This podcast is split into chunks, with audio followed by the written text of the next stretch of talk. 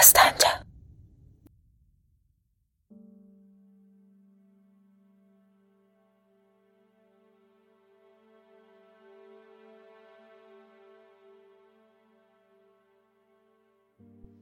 Bir ovuc sımışqa götürüb yenə də kərvansaranın dibinə getdi.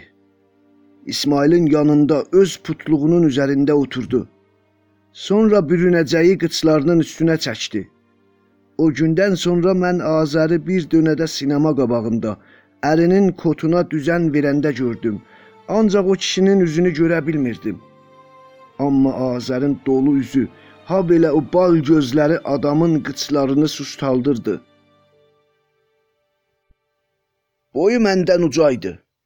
Mən ona şapalaq vurmaq istəyəndə ayaq barmaqlarımın ucu üstə qalxmalı idim. Həftədə 2-3 dönə basırdım qulağının dibinə. Amma sanki kef edirdi. Qanı soyuqluqla gözlərini zilləyirdi, kirpik çalırdı, gözünü zilləyirdi.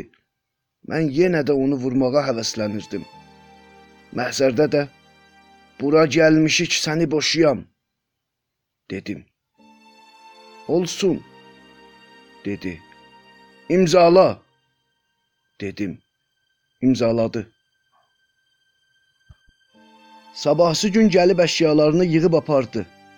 Mən ata kimi üstünü vurmaq istəmirdim. Tam dinciliklə salxım söyüd ağacının altında yun dərinin üstündə oturub qarpızı dilimləyirdi. Birini də mənə verib bu meyyitin sözünü danışma deyirdi. Töylənin qapısı hücm ilə açıldı. Qıvraq bir külək vıyıltı ilə qarı içəri doldurdu. Qarın şoğu qarşısındakı divar düşdü. İndi qurdların ulaması töylənin içindən gəlirdi. Qapını sındırıb içəri girmişdilər. Düz arxasında altısı da ayaq yerə döyüb ulayırdılar. Nə qədər də acıdılar. Bir tikə quru çörək olsaydı onlara atardı. Suçu, hardasan? Suçu. Dadı yaxşıdır. Amma elə bil adam qurquşum yeyir, dedi. Sən bizim bu böyük ağanı tanımırsan, ustadı. Ye bu yeməkdən. Fələyin də əlinə düşməz, dedim. Adı nədir? dedi. İki qaşıq dalbadal yedi. Nəmnüm ilə boşqabın təkində qalana baxdı. Ağay Lordas tapılan bir quşun xörəyi idi deyirdi. Hər gün yeyirdi, dedim. Yəqin çox da bahadır, dedi. Sonra bir qaşıq daha yedi. Ye yeyə bildiyin qədər, ye. Pulunun da fikrini eləmə, dedim. Ürəyim çırpınırdı. Sən niyə yemirsən? Mən sizdən öncə yemişəm. Heç olmasa bir tikə vur. Yenə yedi. Mən ürəyimin qıvraq çırpıntısı ilə onun ışqırmağa düşüb gözlərinin yerində oynamasını gördüm. Köysünə işarə edib burada qalıb ağır qurquşum kimi dedi.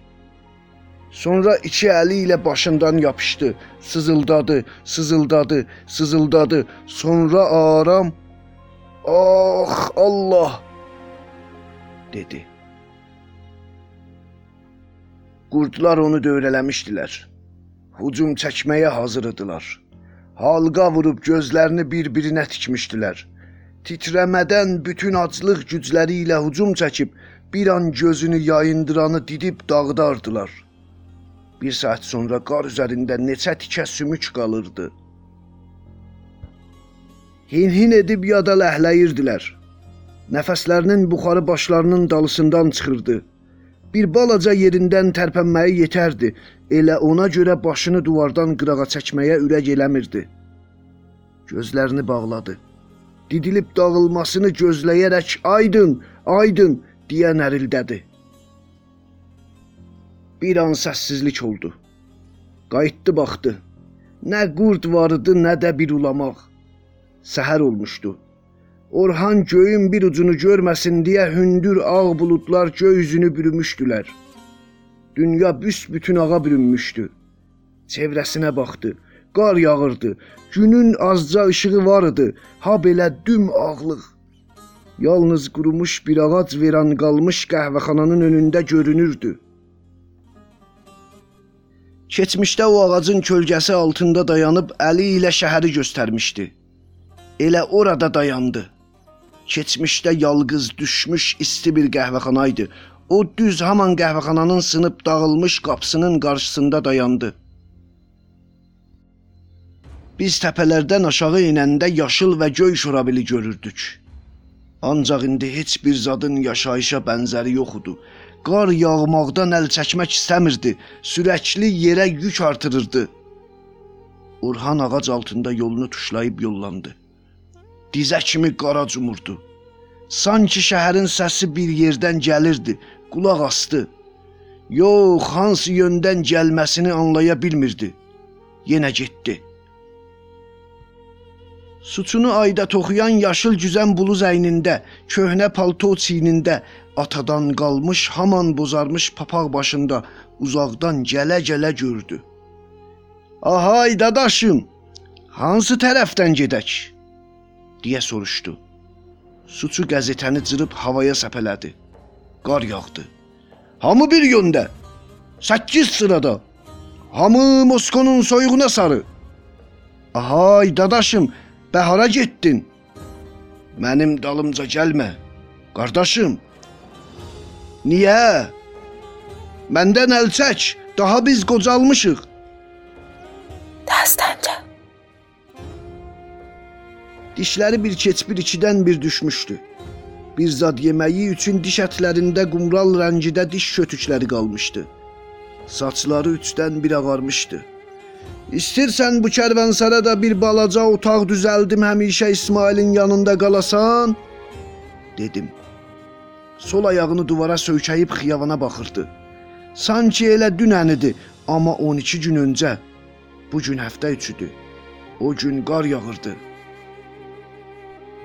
Aydın qəmli idi. Ömründən 42 il soğuşub. İndi daha utan, dedim. Xiyavana baxan halda birdən-birə titrəmə tutdu. İki əlini başına sarı apardı. Qusmaq istəyirəm, dedi. O zaman qəzetələrlə cırcırıq kağızları paltosunun cibindən çıxartdı, şalvarının lifəsindən çıxartdı, corablarının qatından çıxartdı.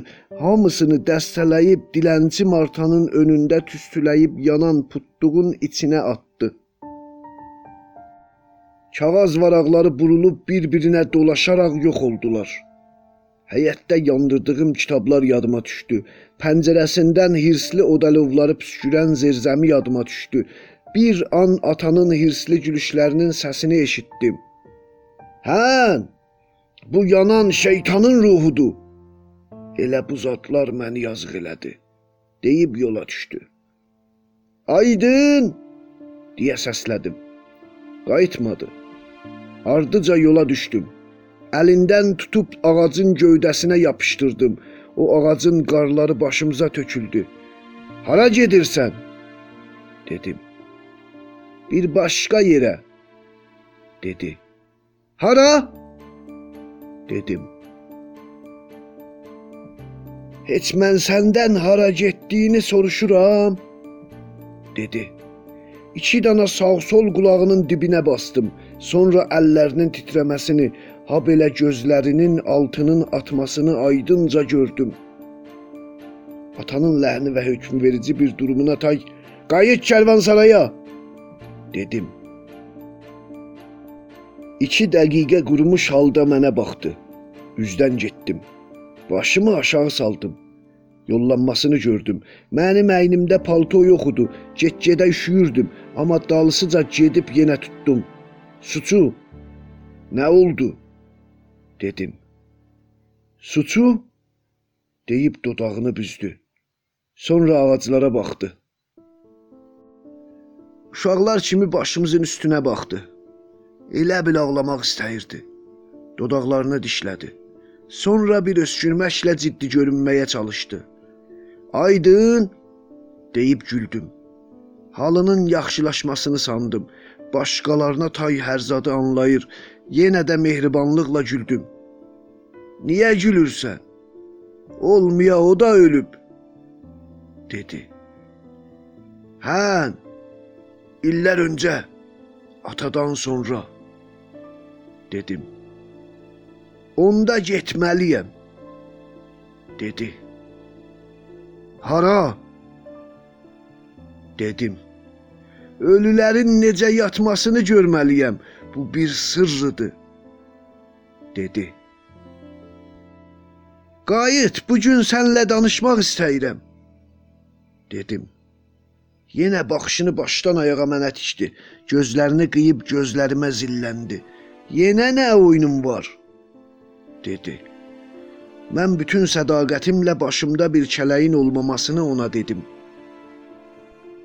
Bu 14 ildə onu heç vaxt adam yerinə qoymadığımdan, ha belə heç vaxtı olmayanda sanki bir zadım kəsirdi deyə anlaya bilmədiyim üçün özümü kötü hiss edirdim.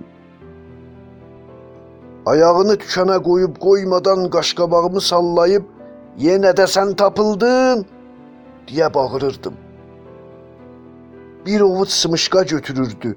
Palto ya da pencəyinin cibinə töküb şux və oğru baxışla uşaqlar kimi kərvansaranın dibinə qaçırdı. İsmail dalbadal ona çay süzürdü, aş verirdi. Putduğun odunu ardıcıl isti saxlayırdı. Həmişə belə idi. Var olduğunu bilirdim. Ancaq onunla danışmağa həvəsləndiyimin nədənini bilmirdim. Doğma bir tanışa darıxmışdım. Gedək, deyib əlindən yapışıb çəkdim. Əlini tez çəkib yenə də getdi. Çox üşüdüyüm üçün daha dalısıca gedə bilmədim. Elə orada son sözün elə buydu deyə bağırdım. Qardaşım, daha iş işdən keçib yük yapı bağlamalıyıq deyib getdi. Yenə getdi. Yeriyirdi. Bir yolu tuta bilsəydi saatlar addımlayıb özünü diri saxlamaq üçün şəhərə yetirməli idi. Getdi. O zaman nə qədər yol getdiyini bilmək üçün arxasına baxdı. Qəhvəxananın veranaları uzaqdan uçuq görünürdü. Qardaşım, daha iş işdən keçib yük yapı bağlamalıyıq. Hirsdən titrəyirdi. Səni düzəldərəm, səni elə adam elərəm halına göydə uçan quşlar ağlar. Deyib dükana qayıtdım. O gün gözdən itmişdi. İndi də mən onun əsiri olaraq çöllərə düşmüşəm. Bu gün həftə üçüdür. Amma başqa günlərdə var idi. Getməliyəm, dedi. Xeyirdir. İnşallah hara? dedim. Hara? Ağanın ziyarətinə, dedi. Boşuna danışırsan ha? Dedim. Ağa yenə də məni istəyib. Səmavəri qaynamaqdadır, dedi. Dastanca. Şurabil qəhvəxanasına getməsini bilirdim.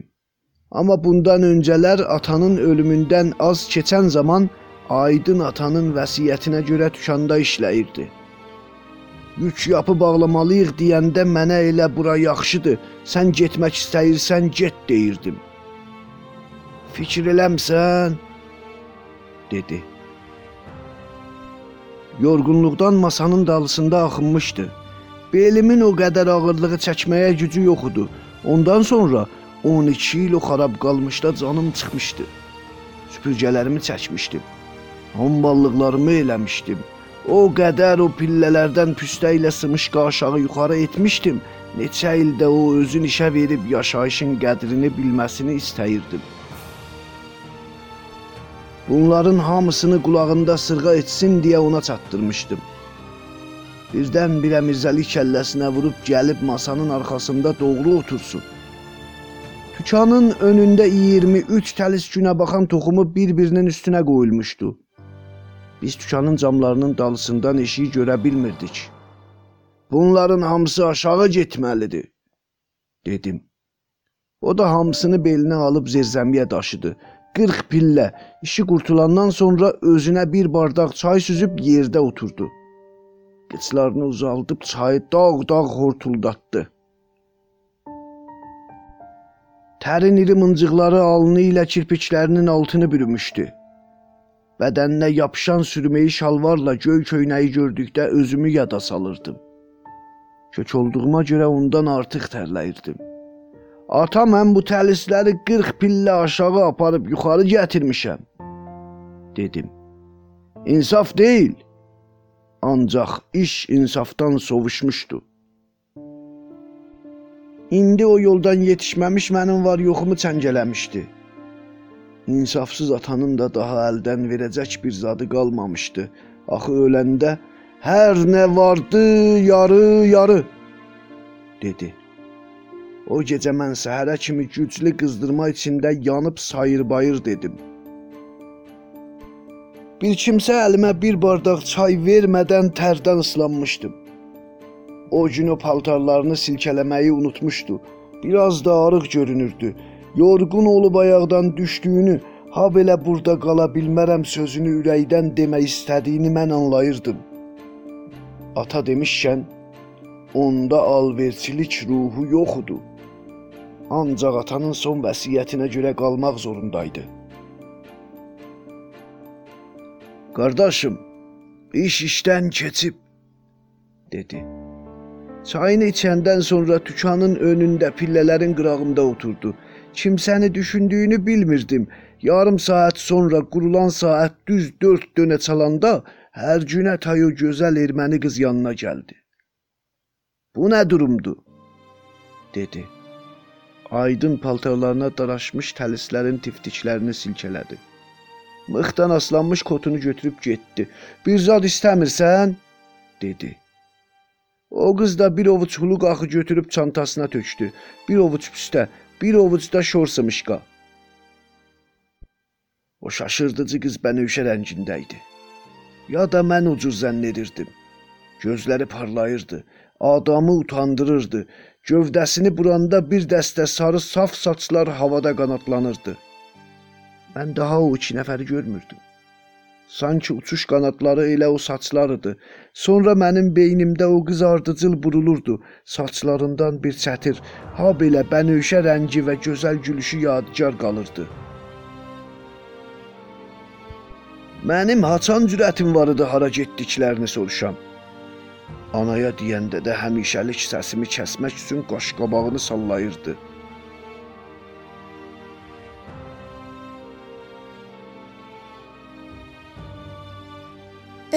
Ölüler Senfonyası 1. çap Yazar Abbas Marufi Çeviren Əhəd Fərəhməndi Düzenleyen Ali Salmanzadə Səsləndirənlər Ağa Cabir Purbagiri Xanım Elnarə Hər zamanki kimi bizimlə olun. Bizim axağımızın adresi Dastanca. D A S T A N C A